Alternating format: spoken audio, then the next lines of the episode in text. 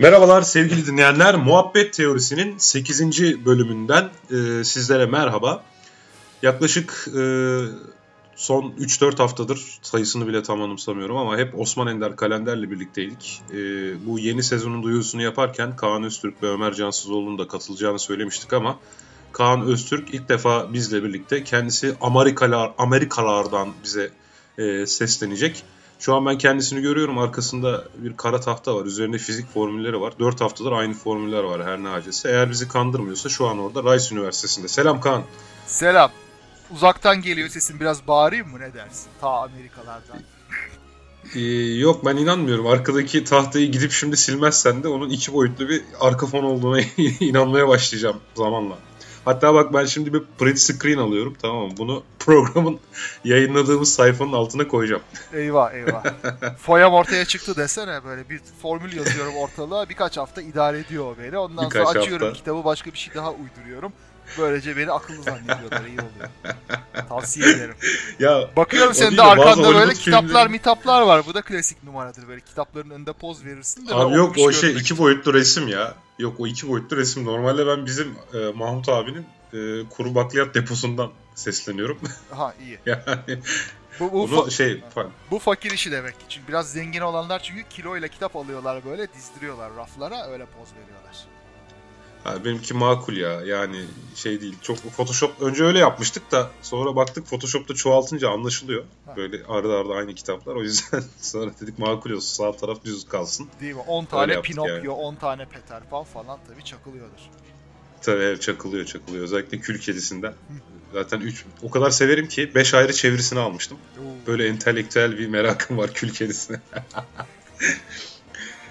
evet Kaan e, uzun süredir seninle program yapmıyorduk. En son program yaptığımızda programın adı Açık Bilim Radyo programıydı. Hatta o son bölümümüzdü. Son bölümümüz olduğunu bilmediğimiz için öyle haftaya görüşürüz falan diye kapatmışız ama Valla ben de öyle yani, bir umutsuzluk vardır inşallah bu da son olmaz. Yani umarım olmaz. Bu sefer kontrol bizde. Uzaylılar istila etmedikçe, küresel bir felaket olmadıkça, internet çökmedikçe haftaya yeni bir muhabbet teorisi bölümünü yayınlayacağız.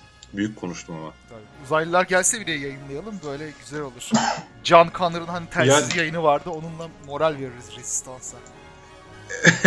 Olabilir tabii. evet Kaan peki bu hafta ana konumuza geçmeden önce e, sen bana bir makaleden bahsetmiştin. Scientific American galiba. E, onu konuşmaya değer bulmuştuk. İstiyorsan şöyle ufaktan bahset girelim. Valla işin ilginç bir araştırmasını yapmışlar. Şimdi psikolojik bir araştırma, sosyal psikoloji diyebiliriz. Yapılan araştırma sonucunda özetleyelim. E, bir konuda başarı kazanmış olanların o konuda hile yapmaya daha yatkın olduğunu görmüşler. Bu şey değil. Hile yaparak başarı kazanmışlar demek değil. Yani kendi gayretiyle belli bir başarı seviyesine geldikten sonra aynı kişilerin kuralları çiğneme, biraz ufak tefek hükme hatta veya e, doğrudan doğruya hile yapmaya daha yatkın olduğunu görmüşler. İşte bazı yapılan yorumlarda mesela bu araştırma üzerine yapılan başka araştırmacının yorumunda diyor ki mesela lüks araba içindeki adamların kırmızı ışıkta daha çok geçtiğini görürsünüz. Normal böyle aile arabası kullananlar kurallara uyar da bu lüks arabada gidenler hın diye gider. Kendini bir şekilde buna bu hakka sahip görüyor. O yüzden de kuralları çiğneyebiliyor gibi bir şey var. Bu ilginç bir şey. Başarının e, bir hilekarlığı kendi kendine getirmesi, biraz kendini farklı görmesi, biraz üstün görmesi olabiliyor. Bunlar ilginç şeyler gibi geldi bana. Ve hayatımızda da çok Belki abi şeyler aslında. Yani ilkinde de hile yapmıştır da orada çaktırmamıştır olabilir mi? Bir ihtimal. Ama kontrollü deneylerle yapmışlar tabii bunları. İşte e, psikoloji laboratuvarında. Öyle bir şey çıkmış. Ne kadarını bilmem artık şeyde sonraki araştırmalarda göreceğiz. Bu tür şeyler, deneyler çok ilginç oluyor. Hepsine çok güvenemiyorsun evet. çünkü mesela üniversite birinci sınıf öğrencileri arasında yapılmış deneyler yani normal hayata ne kadar uyarlanır uyarlanmaz onlar ayrı birçok şekilde tekrarlanması lazım. Ama ilginç şeyler. İnsan beyninin karanlık dehlizleri. Şeyde vardı çevirdiğim kitap İrrasyonel'de e, adam bir tane araştırmacıdan bahsediyordu. Şeye dikkat çekmişti. Psikoloji e, makalelerinin yayınlanan araştırmalarının her nedense %90'ı hipotezin doğrulanmasıyla sonuçlanıyor. Başka hiçbir alanda bu yok ama. O, Sadece psikolojide var yani.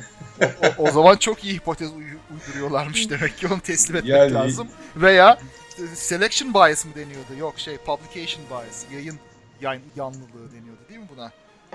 Ya selection bias olabilir, publication bias, yayın yanlılığı olabilir. Bir de şey, e, deneyi tam zamanında sonlandırma yanlılığı var. Ha, değil mi? Yani veriler sürekli takip ediliyor. İstenilen sonuç oluşunca deney bitti arkadaşlar tamam falan bu kadar veri yeter diye.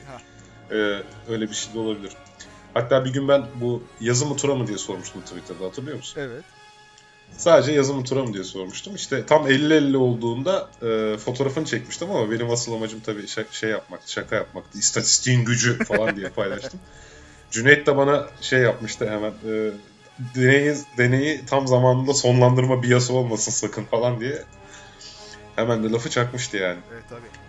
Yani 50-50 yaptığın zaman hemen bir istatistikçi çıkar sen burada bir hile yapmışsın der muhakkak. Bunun ihtimali çok düşüktür çünkü.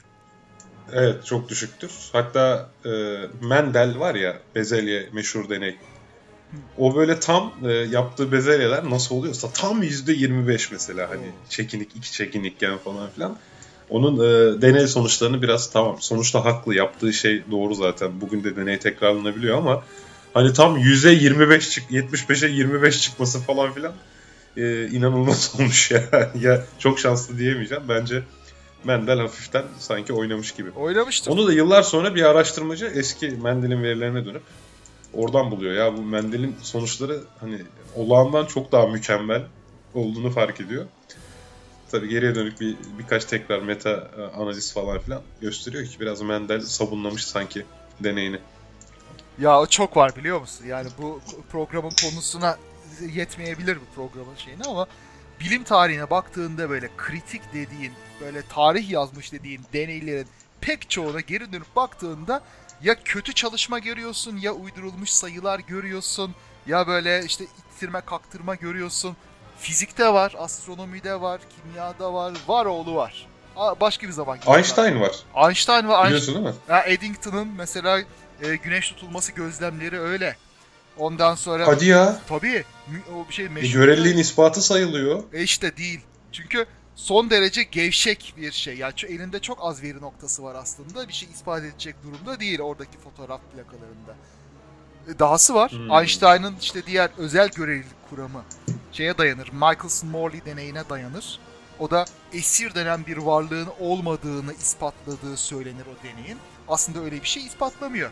O deney bir e, sonuç vermeden önce fikir rafa kaldırılmış. Einstein'ın fikri genel görev, özel görevlilik kabul edilmiş.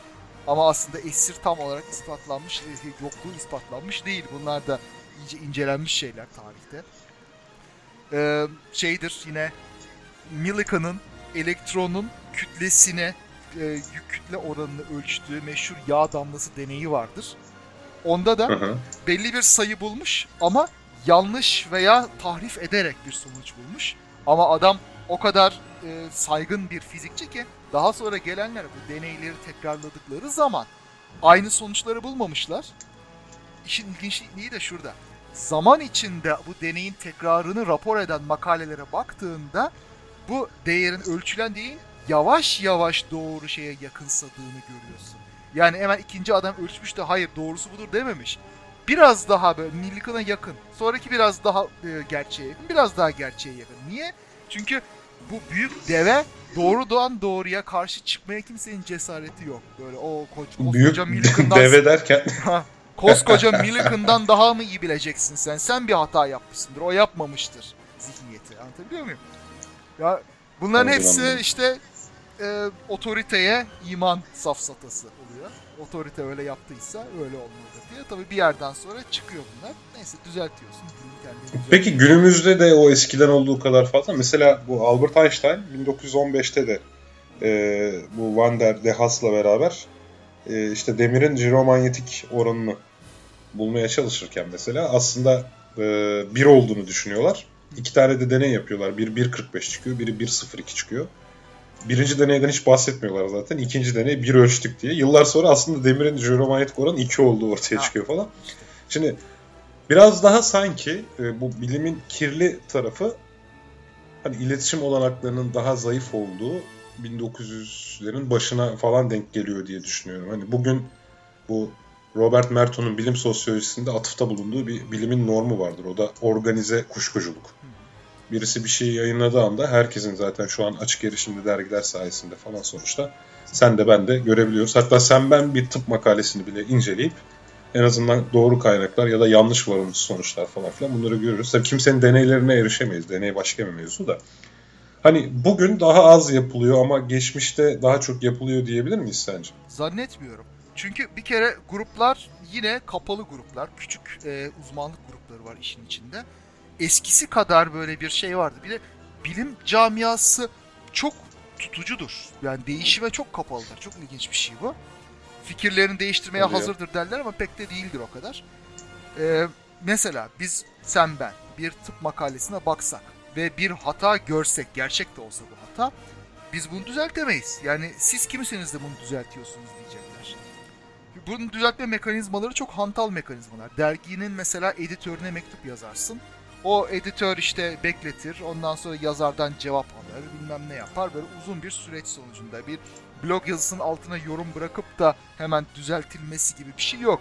İnternet çağının hızlı kendini düzeltme mekanizması henüz bilimsel yayıncılığa sirayet etmedi. Bunun için uğraşıyorlar gerçi. Bilimsel yayıncılık çok daha hızlı olsun, online olsun. Bu e, aşırı hantal editoryallikten kurtulalım. Hatta mesela yayınlandıktan sonra peer review yapılsın. Hakemlik denetimi yayınlandıktan sonra gelsin gibi fikirler var.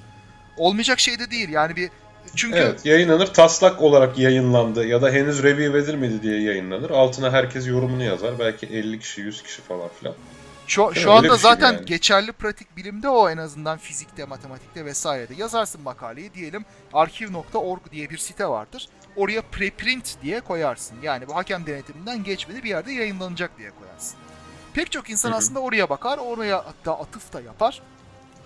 Bir yerden sonra hakemlik denetiminden geçer. E bunu daha da kısaltalım. Öyle bir dergi olsun ki sen onu orada koy. Ondan sonra mesela insanlar onu incelesin. Hatta o derginin kendisi yayınlandıktan sonra hakem atayabilir. Ciddi bir hakem eleştirisinden geçmesi için. Olmayacak şey değil oluyor. Ve daha da hızlı bir şekilde. Ama o zaman her şey yayınlanır ya. Olmaz ki öyle. Ha işte orada hakem denetimden geçti mi geçmedi mi bir ayrımı olacak. Ha- hakemler ciddi olarak atanmış olacak. Bunu okuyacaklar. Bir de şu var. Wikipedia Peki yayınlanmamış çalışmaya atıfta bulunabileceğiz mi peki? e, orada internette bulununca yayınlanmış oluyor zaten. Yani ona o şekilde atıf yapabilirsin. Arkive atıf yapabildiğin gibi buna da yapabilirsin. Yok yok hani şimdi hala hakem denetiminden geçmedi sonuçta. E, Hakem denetiminden geçmemiş bir makaleye atıfta bulunmam o zaman adam orada her şeyi sallayabilir. Ben de ona atıfta bulunarak yanlış bilgiyi sistematik olarak çoğaltmış olurum yani. yüksek ihtimalle her şeyi sallayamaz. Çünkü sonuçta meslektaşlarının gözünün önüne gideceğini biliyor. Kendi itibarını bozmayacaktır. Sen de o konuda Ama çalışan sen de yani.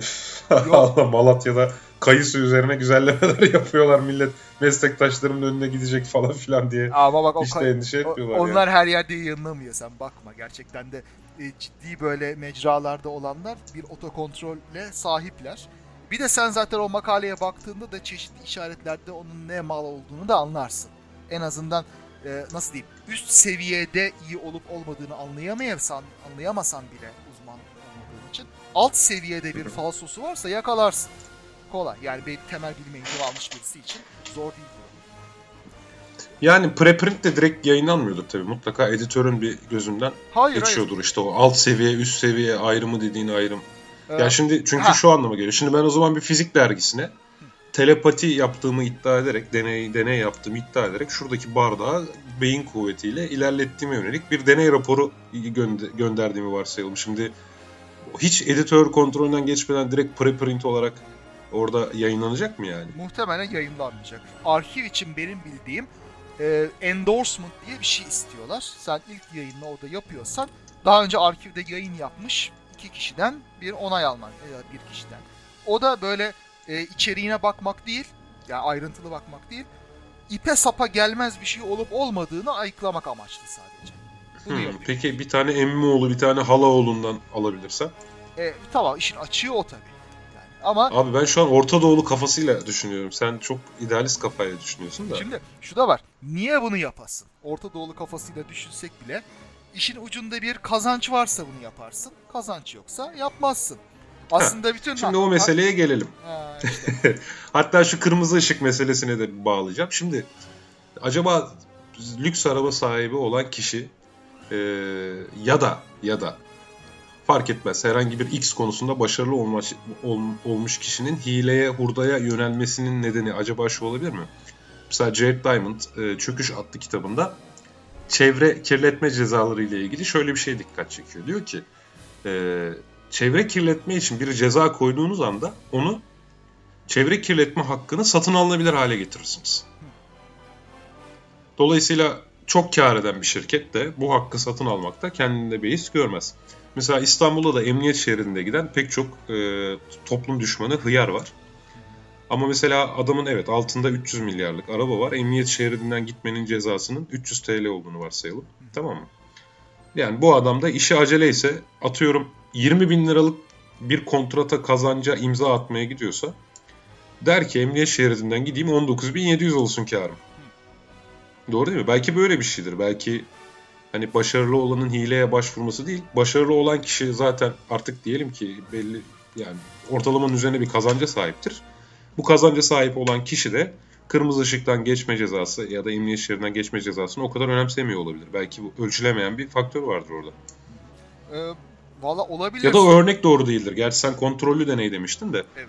Belki hani o verilen örnek e, bu açıdan doğru olmayabilir. Başka bir şeye delalet ediyor olabilir yani. Valla kırmızı ışıkta ya başarılının e, hileye tevessül etmesi diyeyim, tenezzül etmesinin başka bir sebebi de olabilir. Başarılılık e, imgesini, ünvanını kaybetmemek için de olabilir. Başarılı olmaya devam etmek için yaptığı bir şey olabilir. O övgüyü kaybetmeme arzusu. Bir de işte bir şey o dediğin Jared Diamond'ın olayı e, çevreyi kirletmenin satın alınabilir olması bu gerçekten de önemli bir problem. İnsanları çünkü hizada tutan şeylerden bir tanesi de utanma duygusudur. Diğer insanlara karşı duyduğu sorumluluk duygusudur. Bununla ilgili de ilginç bir deney okumuştum, psikoloji deneyi. İsrail'de yapılmış bir deney var. Ee, daha doğrusu gözlem. Tel Aviv'de e, tabii her yerde olduğu gibi çocukların bırakıldığı kreşler var. Ve tabii aileler de işlerinden çıkınca alıyorlar bu çocukları. Bunların bir kapanma süresi var. Tabii öğretmenler de evlerine gidecekler. Şu saatte kadar gelin çocuğunuzu alın deniyor. Ve bazı veliler kronik olarak geç kalmaktalar. Çocuklarını alamıyorlar. Öğretmenler de boş yere orada beklemek zorundalar. Bu kreş bir para cezası koymuş. Eğer çocuğunuzu geç alırsanız işte şu kadar e, şey şekel neyse cezası var. Yani e, kalan personelin artı mesaisini siz ödüyorsunuz tarzı bir şey yani. O da değil de caydırıcı olması için. Para verince Hı-hı. de caydırıcı olsun diye teşvik meşvik meselesi. Aa, ondan evet. sonra ne olmuş? Çocuğu geç almaya gelenlerin sayısı artmış veya aynı kişiler Artar daha tabii. da fazla geç gelmeye başlamışlar. Neden? Nedeni çok basit. Para vermediğin zaman sen orada o insana bir sorumluluk hissediyorsun. Para verdiğin zaman tamam ben bedelini ödedim sorumluluğum kalmadı. Herhangi bir gönül borcum yok diyorsun. Şimdi Aynen. Heh. Parasıyla değil mi kardeşim muhabbeti oluyor Aynen yani. öyle. Ben seni mesela bizim eve çağırsam ev taşıyacağız. İşte gel yardım et mobilyaları taşımaya desem. Ondan sonra da ne bileyim cebine buyur emeğinin karşılığı 100 lira desem. Hissin ne olur?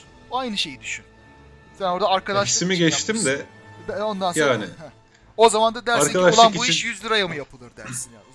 Durum değişir. Gibi ya da arkadaşlık için çağırırsan ya şimdi Kaan benim dostum ayıp olur yardım edeyim derim. Ama abi bu işi 100 liraya yapar mısın dersen ya benim başka bir işim var derim. Yani e, sen bir başkasına ver o parayı bulursun derim. Yani işte burada Dan Ariely'nin e, söyle kitabında vardı. Predictably Irrational dedim kitabına da. Hı. Öngörülebilir ama akıl dışı gibi çevirmişlerdi sanki Türkçe.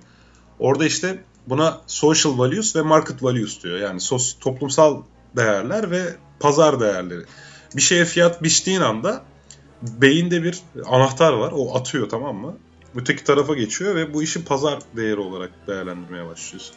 O da şey örneği veriyor. Emekliler Derneği var mesela. Bir Emekliler Derneği için avukat aranıyor. Emekliler Derneği saatine 30 dolar veriyor avukata. Hiçbir avukat başvurmuyor yani 30 dolar çok düşük bir tarife Amerika'da. Ee, neyse Emekliler Derneği'nin yeni başkanı çok muzipçe bir fikir buluyor ve diyor ki niye bedava aramıyoruz? Bedava arıyor kapıya kuyruk oluyorlar. Yani ilginç. Benzer bir bulgu kan bağışı için vardı. İnsanlara kan bağışı için 10 dolar ödüyorlar. Kimseyi bulamıyorlar. Ama ücretsiz yaptıkları zaman buluyorlar. Peki şimdi buradan asıl konumuza nasıl atlatırsın Kaan?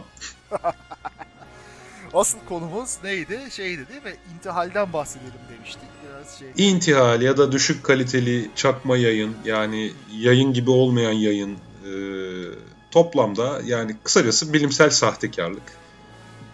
Bilimsel sahtecilik nasıl ortaya çıkıyor? Sence bunda da işte bu social values veya işte pazar değerleri, e, toplumsal değerler dediğimiz şey var mı? Bence var. Şöyle ki, şimdi e, bilimsel sahtekarlık yapanlara bakıyorsun. Bunların e, önemli bir kısmının bunu yapmasının sebebi sonuçta bir kazanç elde etmek. Bu kazanç çoğu zaman mali bir kazanç yani parasal bir kazanç.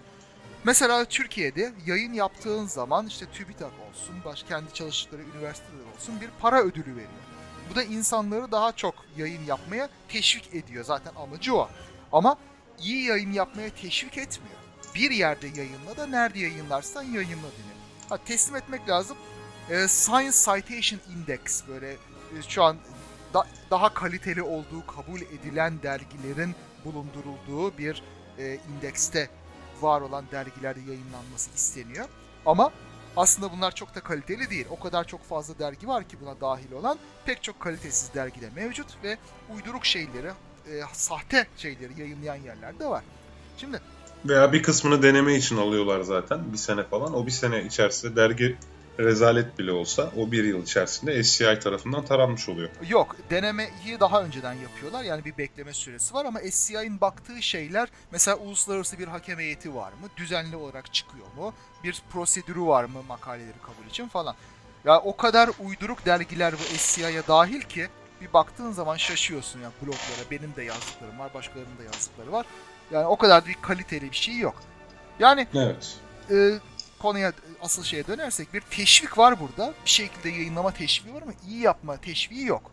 Yine burada insanların işte market value'ya yani pazar değerine yönelmesi var.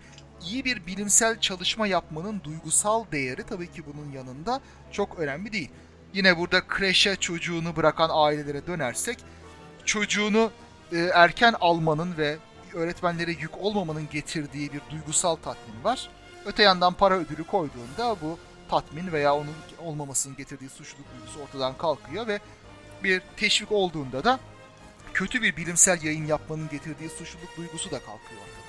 O yüzden de... Yani aslında bir şeyi sayısallaştırmaya kalktığımız anda e, o şeyi rasyonel olarak ölçülebilir bir seviyeye getiriyoruz. Dolayısıyla insanlar burada toplumsal bir taahhütle ya da duygusal bir taahhütle değil, artık tamamen e, meta taahhütü yani bir şekilde bir sayısal taahhütle hareket etmeye başlıyor. Mesela e, işte yükselme kriterleri de var değil mi? Türkiye'de akademide yükselebilmek için bir, işte birkaç makale yazman, birkaç puan toplaman gerekiyor falan filan. Bu dediğin gibi nitelik değil. Bir ikincisi bir kişi herhangi bir kişiyi de şöyle ikna edebilir. Bunu da şeyden araklayacağım. Bir e, deney bu yem etkisiyle ilgili bir deney vardı. İnsanlar niçin hani ortanca ürünü tercih ediyor? E, ortama üçüncü bir ürün sokunca diye. Mesela şey diyor bir başkasına bunu açıklaması çok kolaylaşıyor çünkü. Bir başkasına niçin o ürünü tercih ettiğini açıklaması çok kolay. E diğerinden ucuzsa, e ucuz da çok kalitesizdi ne yapayım ben de bunu aldım dediğin zaman herkes bunu kabul ediyor. Ha. Şimdi eğer yükselme kriterin varsa ya sen de arkadaş niye böyle kötü bir derleme makale yazdın gibi bir sorusuna valla işte bu sene benim yardımcı doçent olabilmem lazımdı. Sallıyorum şu anda. Sen daha iyi biliyorsun o yükselme kriterlerini. Deyip yani çevresini de kolaylıkla ikna edebilecek bir rasyonel zemin yaratıyor sonuç itibariyle. Biraz öyle. Tabii çevresinin de bunu kabul edebilecek bir kafa yapıda yapısında olması gerekiyor. E, bilimsel olarak olgunlaşmış toplumlarda bunu kabul ettirmesi daha zor. Yakalandığı zaman çok büyük yaptırımı var. Şimdi bir şey karıştırmamak lazım. Tabii Türkiye'ye has değil bu intihal denen mesele veya kalitesiz yayın denen mesele. Dünyada çok var. Avrupa'da da var. Tabii Amerika'da canım. Da var. Einstein'dan bahsettik az önce yani. Hayır Einstein intihal yaptığını düşünmüyorum da e, kötü Yok savunmama çalışma vesaire. Tabii var. Ee, şey asıl böyle e, bilimsel suç sayılan şeylere gelirsek Avrupa'da da bundan dolayı mahkum olanlar var. Makamını kaybeden bakanlar var Almanya'da vesaire. Türkiye'de Ama makam... çok önemli fark, çok önemli bir farktan bahsediyorsun. Aynen öyle. Türkiye'de de bakanlar var intihalden suçlu sa- suçu sabit görülmüş. Bırak koltuğundan olmayı yükseliyor ve YÖK'te işte oturup toplanıp tamam biz bunun suçunu ortadan kaldırdık deyip geçiyor. Yani öyle bir Evet evet bilimsel olgunluğa sahip olmayan toplumlarda böyle şeyler kronikleşiyor, e, yayılıyor. Bu kendi kendine tekrar üretiyor. Bunun gibi olanlar öğrenci yetiştiriyor. Öğrenciler bunu örnek alıyorlar. Böyle böyle kalitesizlik sürekli devam ediyor. Bununla mücadele işte etmeye çalışıyor insanlar. Ne kadar yürüyor bilmiyorum. Genelde bir yozlaşma Ede- edemezsin eğer arkada evet yasal bir destek yoksa edemezsin. Ancak işte burada bilim camiasındaki kınama şeklinde daha hani e, toplumsal cezalar devreye girebilir ancak yani. Ancak ancak öyle. tabii. Ama o da senin dediğin gibi eğer ki böyle bir kültürde yerleşmemişse kimse de kınamayacak zaten. Hayır, de- Şimdi isim vermeyeceğim. Toplantı adı da vermeyeceğim. Ama bir toplantıda bu Alman ve Türklerle beraber yapılan bir e, bilimsel toplantıydı. Ortaklaşa. Bizim Türk arkadaşlardan birinin sunduğu sunum orada oturan Almanlardan birinin çalışması çıktı. Of. Daha korkunç bir şey olamaz ya. Anam bu nasıl bir rezillik. Of. Evet yani daha daha rezil, daha korkunç bir şey yok ya, değil mi? İnanılmaz yani. Hiçbir kafası da yokmuş Evet. demek ki yani orada bu benim karşıma çıkar diye düşünememiş demek ki. olsun. Bence kimden arakladığını bile hatırlamıyor. Herhalde öyle. Herhalde öyle. Sonuçta çünkü sektörel toplantı kendi sektöründe bir makale değil mi? İnsan düşünür yani. Tabii. Ne araklamalar var. Adamlar mesela internet öncesinde 50'lerde 60'larda yayınlanmış dergilerden bir şeyler araklayıp yayınlıyor. Böylece yakalanmıyor. Ondan sonra kendi bölümündeki hocadan araklıyor. Kendi bölümündeki öğrenciden araklıyor. Başka bir öğrenci mesela. Böyle böyle bir sürü numara. Bunların hepsi Peki işte... kaç tür intihal var? Yani bunların hepsi intihal mi? Aynı derecede intihal mi? Yani Ya valla bana sorarsan tek tür intihal var. İntihalin tanımı şudur. Başkasının sözlerini kendi sözün gibi yutturmak. Yani bu bilimsel makale olur, bilimsel tez olur, bilimsel olmayan bir çalışma olur. Arada hiç fark yok bence. Sen işte bunu ben yazdım diyorsan, üstüne adını koyduysan ama o cümleler başkasının eserinden alındıysa o zaman intihal yapmışsındır. Şimdi bunun bilimsel... kısacası başkasının malını sahiplenmek gibi bir şey zaten. Biraz Sokakta duran arabayı çalmakla e, sok- orada kağıtta duran fikri çalmak arasında niçin fark olsun değil mi? Ha yani şöyle bir şey. Bilim bilim adamı mesela kazanç için çalışmıyor ama belli bir itibar için çalışıyor. O konuda iyi bilinen birisi olduğunun anlaşılması için çalışıyor. Bunlar önemli şeyler insanların duygusal şeyleri, motivasyonları açısından. Şimdi sen bunu elinden aldığında bu adamın bildiğin hırsızlık yapıyorsun ve onun emeğiyle kendini yükseltmeye çalışıyorsun. Bu e, araba çalmak gibi değil. Çünkü araba çaldığında öbür adamın arabası kalmıyor elinde. Ama sen hak etmediğin bir şeye sahip oluyorsun. Mesele Yani orada. adi hırsızlıkla intihal arasındaki en önemli fark adi hırsızlıkta karşı tarafa zarar verirken kesin olarak Evet. burada karşı tarafın itibarından faydalanıyorsun. Evet. Bir nevi fikri Oluyor. mülkiyete de, benzetebilirsin. İşte bir yazarın kitabının aynen alınamaması gibi. Bilimciler pek öyle fikri mülkiyete takılmazlar. Önemli olan bilgi yayılsın derler ama bunu e, bedava verirken bir de karşılığında bunu yapan şu kişidir diye de anılmasını isterler normal. Yani bu bir En kibir bir değil. atıf. Tabii bu bir kibir değil. Bu normal bir insani beklenti. Şimdi bu e, bazı açılardan geçerli değildir diyenler oluyor. Söz gelişi İhsan Doğramacı'nın meşhur intihali vardır. E, Benjamin Spock'ın işte ço- e, çocuk bakımı, bebek bakımı ile ilgili kitabının büyük miktarda intihal etmiştir. Kendi adıyla yayınlamıştır. Bu mahkemelere düşmüş bir olaydır ve hakim de demiştir ki bu bilimsel bir yayın olmadığı için intihar suçlaması burada geçerli değil. Yanlış. Hakimin bu konularda bilgisi yokmuş belli ki. Bir kopyalama varsa, başkasının yazdığı şeyi kendi isminle yayınlıyorsan burada intihar vardır buz gibi. Çok uzun sürdü bu davalar. Ee, çok fedakar bir tıp profesörü vardır bu konularla işte onlarca yıl uğraştı. En sonunda bunun bir intihar olduğunu kabul ettirebildi. Ha ettirdi de ne oldu? İhsan Doğramacı öldüğünde Bilkent Üniversitesi adını İhsan Doğramacı Bilkent Üniversitesi olarak değiştirdi. İyice böyle şereflendirdi, onurlandırdı onu. Türkiye'de böyle oluyor bu işler. Yani evet, Türkiye'de neyse. Ha, şey var, başka bir itiraz mesela. Ee, eğer işin ucunda bir ticari kazanç yoksa intihal yapılır ne olacak? Ama yok, öyle bir şey olmadığını da söyledik. Zaten bilimce ticari kazanç için yapmıyor. Bir e, isminin geçmesi. Ben bunu bu adam yaptı densin diye yapıyor mesela. Onu e, zikretmek lazım. Başka bir Ha şimdi zaten bu iş ticari kazanç bile olsa. Bu arada ticari kazanç var elbette. Eğer ki biz bugün bilim insanlarını zaten atıf sayılarına göre değerlendiriyorsak yani biz derken en azından üniversiteler işe alırken ya da işte unvan yükseltirken insanların atıf sayılarına, hash indekslerine onlara bunlara bakıyorsa sen atıf yapmayarak adamın kazancını da baltalamış oluyorsun mesela, aslında. Tabii böyle de denebilir. Böyle dolaylı olarak kazancına etkisi var. Mesela diyelim ki senin makaleni şu an 500 kişi senin adından bahsetmeden alıntıladı diyelim. Bu otomatikman senin 500 atıfın eksik olduğu için e, sıradaki iş arama sürecinde aslında olduğu niteliklerin altında gözükmene neden olacak. Orası öyle tabii. O da ayrı bir çarpıklığı sistemin ama dediğin bu açıdan mevcut sistem açısından çok doğru. Başka bir intihal usulü daha var. Mesela kaynakçada adını geçirir senin ve yaptığın yayının ama senin yazdığın kısmı lang lang lang aynen kopyalar kendi çalışması. Ve bunun senin e, senden alıntı olduğunu o paragrafların açıkça belli etmez. Sen baktığın Yani şu mu? Tekrar e, anlamak için soruyorum. Cümle sırasını aynen almış ve kaynakçaya koymuş. Ama cümle sırasını aynen almış. Hiçbir paraphrase yok. Yani fik- fikirden bahsetmek değil, bildiğin cümleyi almış yani. Cümleleri, paragrafları hatta tek tek cümleler de olur. Aynen kopyalamış ve bu e, yazdığı zaman bunun mesela tırnak içine koymamış veya belli bir şekilde bunun alıntı olduğunu söylememiş. O yüzden de okuyan bu yazarın kendi sözleridir diye düşünmüş. E, bu da alıntıdır. E, pardon bu da intihaldir. Sonuna bir Evet. atıf yapmış olması bunun intihal olduğu gerçeğini değiştirmez.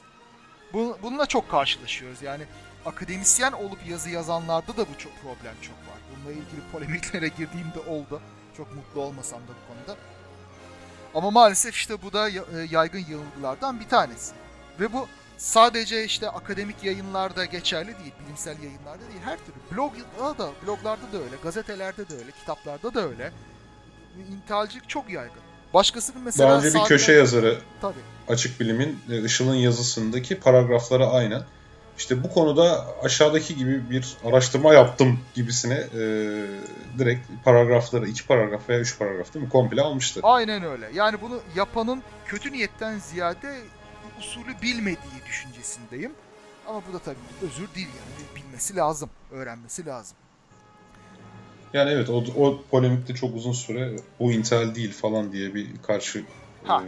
e, gelinmişti diye hatırlıyorum yani. Evet öyle işte maalesef öyle İşte altta kaynak verdim ama falan filan. İyi de işte kaynağın hangi kısmı dediğin gibi. Yani o cümlelerin hangi kısmı senin, hangi kısmı bir başkasının. Veya mesela o tip bir intihal aslında edebi alıntıda, e, edebi alıntılarda çok daha rahat anlaşılıyor. Hani e, yazar öyle güzel bir cümle kurmuş ki sana öyle o güzel cümleyi, o tatlı, o lezzetli cümleyi alıyorsun. Hani söz konusu edebiyat olunca o tip intihal çok daha hızlı anlaşılıyor. İnsanın kafasına aa evet doğru dedirtiyor. Bilimde o kadar anlaşılmıyor. Tabii. Yani e, akademik olmayan şey e, kurgu olmayan metinde o kadar anlaşılmıyor. Fakat söz konusu edebiyat olsaydı düşün şimdi ben şiirimin yarısını Cemal Süreyya'nın dizelerinden oluşturacağım. Altına da bir, bir yere böyle kaynak Cemal Süreyya falan yazıyor. İyi de yani o söz söyleyiş sanatı o güzel güzelliği de araklamış oluyorum böylece Aynen yani. öyle. Benim mesela öğrencilerin tezlerindeki intihali yakalama usulüm budur. Bakıyorsun böyle öyle bir cümle kurmuş ki bu adam bu cümleyi kurmuş olamaz diyorsun. Google'a yazıyorsun. kabak gibi çıkıyor zaten. Ben de ödevlerden yakalıyorum onu ya. Ha. Zaten şöyle bakıyorsun genele bakıyorsun noktalama hatası var alıntıladığı cümlede yok. Ha, değil mi? Evet peki e, aslında sanki sen bir gün o ya- yani Intel'le ilgili yazında şöyle dedin diye hatırlıyorum. Ondan da bahsetmeni istiyorum da. Eğer bir kişinin konuyu anlatış sırasını bile kopyalarsan hani bırak cümleleri bu bile bir intihaldir dediğini hatırlıyorum. Ya, e, Yani başlıklarını, sırasını falan filan. Evet. Yani bunu çok katı olarak savunmam gerçi. Ama bir yani e, paraphrase denen şey yani cümleleri tekrar kurmak denen şey de aslında intihalin bir tarzı, bir usulü. Yani orada araştırmayı kendisi yapan, bilgiyi kendisi kafasında birleştiren, bir senteze ulaşan ve kendisine özgü bir soruya cevap vermeye çalışan bir insan zaten kurguyu birebir aynı yapmaz. Bunu yapmayan işte evet. e, bir takım cümleleri değiştirir, eş anlamlılar koyar, cümlenin işte öznesini, yüklemini biraz kaydırır vesaire yapar. Orada çok benzeyen paragraflar çıkar. Ha, Google'a koyduğunda aynı cümle birebir çıkmaz ama intihaldir çünkü aynı akış, aynı bilgiler, aynı kaynaklar, aynı şey. Görüyorsun ki orada özgün bir çalışma, özgün bir cümle kurma e, işlemi olmamış. Aynı şeyin birazcık değiştiği yazılmış. Tek e, e, emek orada cümleleri azıcık değiştirmek. E, o da intihal yani. Onda da yani yok cümleleri azıcık değiştirme değil de mesela diyelim ki sen X'e anlattığın bir kitap şey makale yazdın. Hı. Tamam mı? X'in tarihçesi Türkiye'de X, dünyada X, X ile Y'nin ilişkisi, X ile Z'nin ilişkisi dedin. Hı. Tamam ben de tuttum. Tamamen başka kaynaklardan özgün yazdım ama baktım ki senin anlatımın çok güzel. Ben de X'in tarihçesi, Türkiye'de X, dünyada X, X'in Y ile ilişkisi diye aynı ha. benzer e, bir sırada anlatırsam bunu da doğrudan senin emeğinden çalmış olmam mı? Sonuçta sen onun nasıl iyi bir şekilde ve verimli şekilde anlatılabileceğine dair kafa yormuşsun. Hı. Ve bir e, outline belirlemişsin, bir başlık akış sırası belirlemişsin. Hı. Yani konuya giriş ve çıkışla ilgili. Ben de bakıyorum bu konuyu nasıl en iyi şekilde anlatırım. Hmm, Kaan böyle yapmış dur ben de öyle yapayım dersem bu da bir intihal bence. Ee, bilmem belki de o kadar katı Çünkü bölüyorum ama ben en çok emeği nerede harcıyorum biliyor musun? Bir makaleyi hangi sırayla anlatırsam daha okuyucunun zihninde e, hani anla, anlaşılarak gider. O kademe kademe hani anlayışı zirveye nasıl çıkarırımı. Mesela üzerine en çok düşündüğüm şey benim outline. Anladım. Şimdi birisi tutup bunu aynı şekilde araklıyorsa bence bu da intihaldir yani. Anlıyorum. Valla ben o kadar takılmazdım ve çok takılan olduğunda bunu bilmiyorum. Ee, intihal dediğimiz şey işte cümleleri vesaireleri, düşünce akışını aynen kopyalamakla sınırlı kalıyor en fazla. Yani bu dediğin şey aslında biraz da e, bilimsel bilgi üretmek gibi olabilir. Sen bir şeyi en iyi anlatmanın yolunu bulduysan, bu şekilde bu sırayla gitmek en iyi anlatımsa başkası da bunu benimsediyse bence sen insanlığın toplam kültürüne ve bilgi birikimine bir katkı yapmışsındır bu sırayı, bu sunuşu oluşturmakla. Ee, bunu aynen almak bence intihal çok sayılmaz. Peki bir dakika üzerine gideyim. Tamam. Şimdi mesela benim astroloji kitabımda sırası şu. Nasıl çıktı? Hı. Neden sahte? Niçin tuttu? Şimdi birisinde de homeopati hakkında kitap yazdığını varsayalım. Ve aynı bölüm isimlerini benim gibi 3 tane e, chapter yapıp işte nasıl çıktı, neden sahte, niçin tuttu yazsa. Ve yani herhangi bir yerinde de yani anlatım tekniği olarak işte Tevfik Uyar'ın Astrolojinin Bilimle İmtihan adlı kitabındaki tekniği kullandım demezse bu yine de ucundan kıyısından bir intihal olmaz mı sence? Aa, orada şeye geliyorsun artık ilham alma, homage dedikleri şey yani bir ustalara Esinlenme. saygı gibi e, es, yani e, önceden yapılmış çalışmaya saygı gibi bir şeylere de giriyorsun.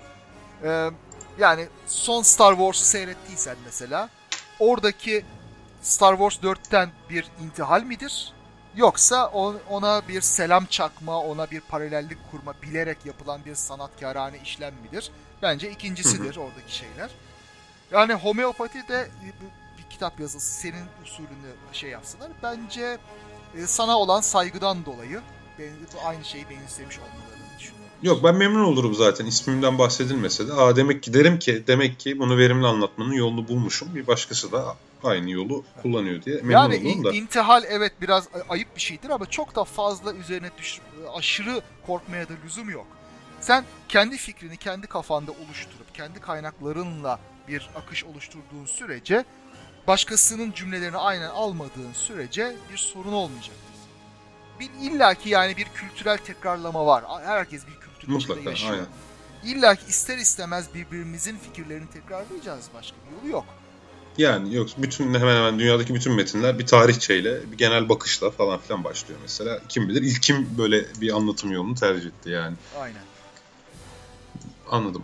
Ee, bu konuda başka bir şey söylemeyeceksen e, bir konudan tamam. bahsetmek istiyorum. Tamam.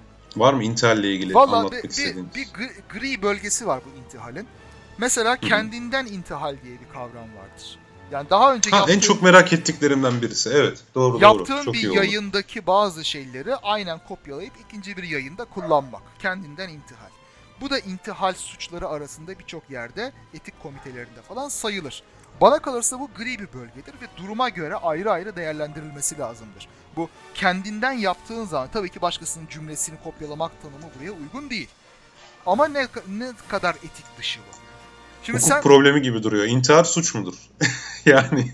Ay şimdi e, neyi Öz çünkü e, obje de sensin, suje de sensin. Yani hani suçun işlendiği taraf da sensin, suçu işleyen de sensin. Bu birbirini götürür mü? Yani Burada o zaman e, suçu başka bir yerde e, arıyorsun. Aynı şeyi birkaç kere yayınlama suçuna aslında.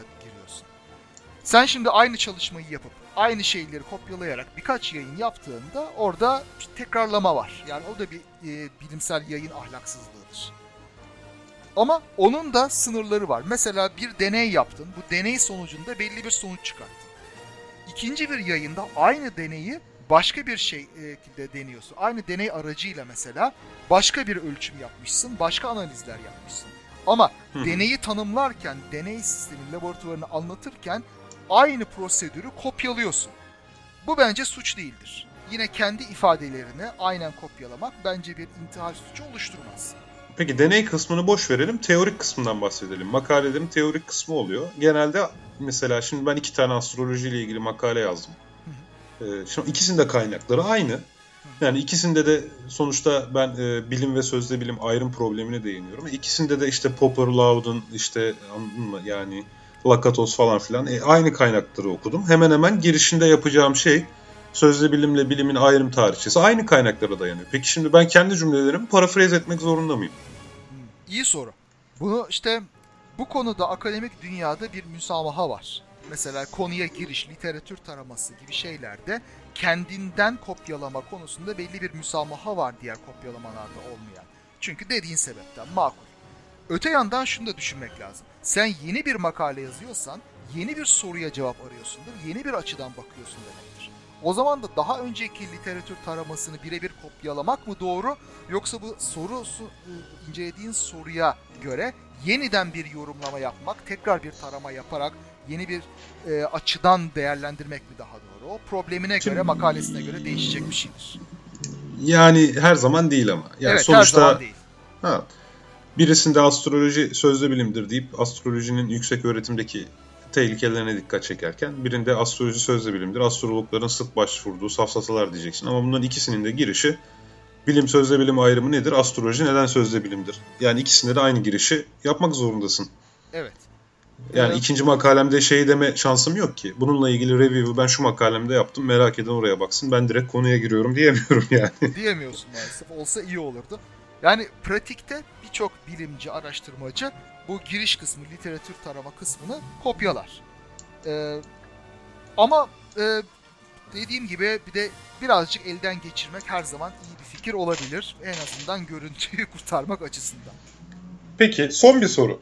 Bence bunu yani akademik kariyer yapan dinleyenler, başlayan ya da niyeti olan dinleyenler merak ediyordur. Diyelim Türkçe bir makalem var. Ben tuttum bunu ya bunu bütün dünya okuyabilmeli bence dedim. İngilizce bir makale olarak hazırlamaya karar verdim. İyi de ben şimdi burada yeni bir probleme çözüm aramıyorum. Kendi makalemi birazcık geliştirerek İngilizceye çeviriyorum. O zaman ne olacak? O zaman işte yayını yayınladığın derginin yayın politikasına bakacaksın. Daha önce yayınlanmamış olmasını istiyorlar genellikle. O yüzden de sen Hepsi bunu çiğniyorsun. Ha, o zaman e, sen bu kuralı çiğniyorsun. O zaman yeni bir şeyler eklemen lazım, genişletme yapman lazım. Anladım. Çünkü çeviri yapmak yani. yani aynı şeyi yayınlamaktır çeviri yapmak. Blog yazısı yazmaya benzemiyor neticede sonuç itibariyle. İşte en başa dönüyoruz. Bir e, puan değeri olan bir yayından bahsediyoruz. Bir prestij unsuru olan CV'ne yazdığın, e, ömür boyu senin bu alanda kat ettiğin yolun göstergesi olan tarzda yayınlardan bahsediyoruz yani. Evet. Şeye bakmak, şöyle bakmak lazım. E, her zaman dışsal etkilerden değil, içsel etkilerden, intrinsik şeylerden e, almak lazım gücü. Sen bu yayını yapıyorsan kendi arzu ettiğin için dünyadaki bilgi birikimine bir katkıda bulunmak istediğin için yapıyorsundur. Yani yükselmek için, puan almak, para kazanmak için yapmıyorsundur. O motivasyonla Doğru. gittiğinde zaten doğrunun ne olduğunu göreceksin. O motivasyonu kaybedenler, dışsal etkenlere göre kendilerini sürükletenler bu bu akademik e, ahlaksızlık tuzağına çok düşüyorlar. En çok yeah. hassas olanlar onlar. Evet. Hassas konu. Evet. Peki. Bitirdiysen hemen başka bir şey soracağım sana. Buz Aldrin, Edwin Aldrin var ya e, onun bir tane videosuna rastladım. Birisi bana gönderdi e, Twitter'dan. Ben de e, yani Aldrin'e destek verir gibi oldum. Çünkü Aldrin orada şunu yapıyor. Aldrin bir otelden çıkıyor. Önüne birisi geliyor. Ay'a gitmedin değil mi? Ay'a gittiğini hadi İncil'e basarak yemin et diyor. Önüne İncil uzatıyor. Adrin diyor ki ya bir git kardeşim falan diyor. Kenara çekiliyor. Adam devam ediyor. Kenara çekiliyor. Adam devam ediyor. Hatta bir ara tekrar otelden içeri girecek kadar içeri giriyor. Adam geliyor yalancı, sahtekar falan diye bağırıyor. En sonunda Edwin Aldrin bir tane yumruk çakıyor. Tam çenesine. Sence yani e, bu çok kötü bir davranış mıdır? Yo, niye olsun? İyi yani. Bana kalırsa bütün bu dini şeyleri nasıl diyeyim fanatikleri falan çok güzel bir şekilde sopadan geçirmek lazım. Yok burada konuyu düşünme ama. Yani tam tersi olsaydı. Edwin Aldrin'in e, dini konuda birisi olduğunu düşünseydik. Karşısında da çok fanatik bir bilimci olsaydı ve üzerine gitseydi yine haklı görür müydün? Olayı şöyle Yine görüyorum. haklı görürdüm muhtemelen. Olayı şöyle yani görüyorum. Yani bağnaz, birisi, cahil, öküz falan diye. Birisi senin üzerine sürekli geliyor, seni rahatsız ediyor. Ee, evet. Sen ona uzaklaş, senin, seninle görüşmek istemiyorum diyorsun.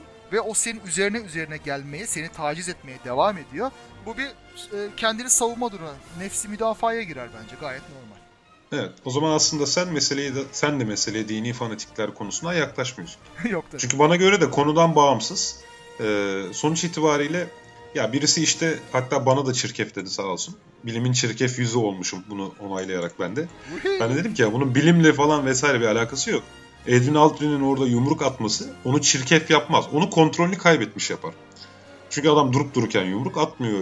Önünü kesiyor. Birisi karşısına geçiyor, bağırıyor. Hatta yanında bir kadın var Edwin Aldrin'in. Sonuçta o da irrite oluyor.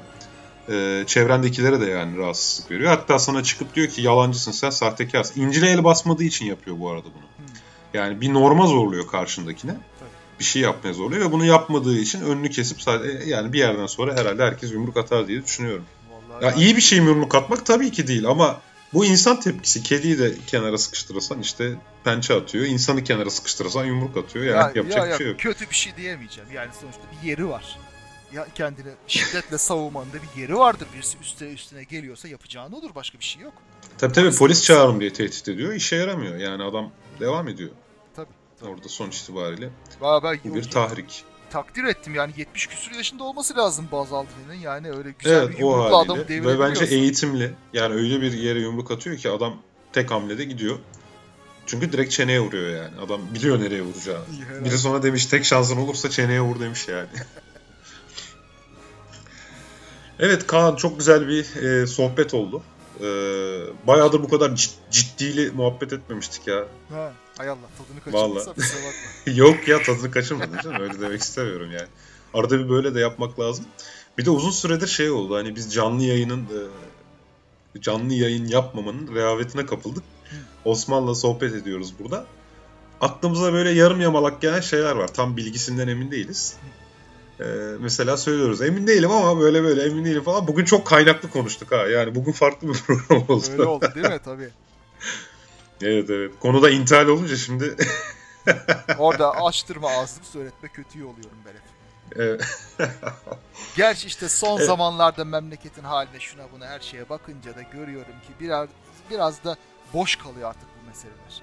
Hırsızlık, yolsuzluk her açıdan her şeye bulaştıktan sonra akademik yolsuzluk, akademik hırsızlığı özellikle üstüne gitmek nasıl diyeyim Titanic batarken kemancı orada e, akordu Islanacak. bozulmuş demek gibi bir şey oluyor. Kemanın ha. akordu bozulmuş diye şikayet etmek gibi. Ya şimdi şöyle bir şey var. Ee, ya dediğin doğru ama herkes ancak kendi vakıf olduğu alanda mücadele verebilir. Doğru. Yani tabii siyaset daha herkesin ortak bir alan olduğu için hepimiz o konuda sorumlu hissediyoruz ve balık baştan kokar misali tabii ki en kapsayıcı konu e, politika, ülkenin idaresi. Ama ve lakin işte yani en basitinden ülkede yolsuzluk var diye apartmanımızdaki kömür alımında yolsuzluk yapılmasına da göz yumamayız. Hani bir yerde bazı şeyler bizler için daha bireysel, daha kapalı gruplarız. Bilim severler olarak, bilim insanları olarak ya da Türkiye'de bilimin hakkıyla yapılmasını isteyen insanlar olarak. Hani e, şu var, birileri bu değerleri yaşatmazsa da iyice cılkı çıkmayacak mı yani? Çok doğru söylüyorsun tabii.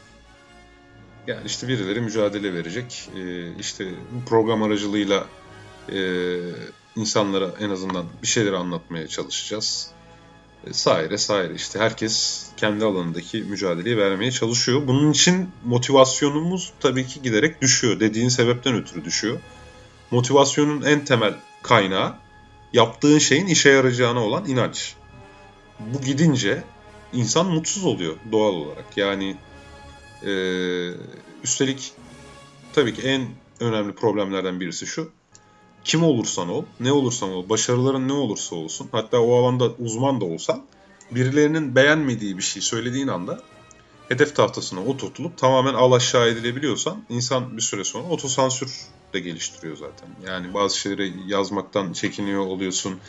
Ee, ya da en kötüsü işte kadir kıymet bilinmemesi mevzu. Yani birden tüm o yaptık, tüm o yaptığın pozitif şeyler tamamen e, hasır altına itilip yani seni de halının altına süpürüverebiliyorlar. Şu anki e, Türkiye'deki maalesef toplumsal ortam bu. Siyasi ortam bu. Entelektüel ortam da bu hatta. Evet. Yani ama ne yapalım? Devam edeceğiz. Mücadeleye devam. Şey Çetin Altan'ın dediği gibi enseyi karartmayacağız yani. Herhalde öyle. Bu da geçer diyeceğiz. Bu da geçer diyeceğiz.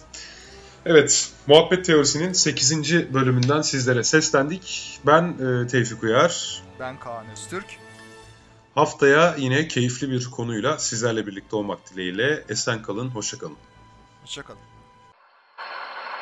Daha fazla bilgi edinmek isteyenler Tarihi Osmanlı Mecmuası'nın 3. cüzünün 1912. sayfasına bakabilirler efendim.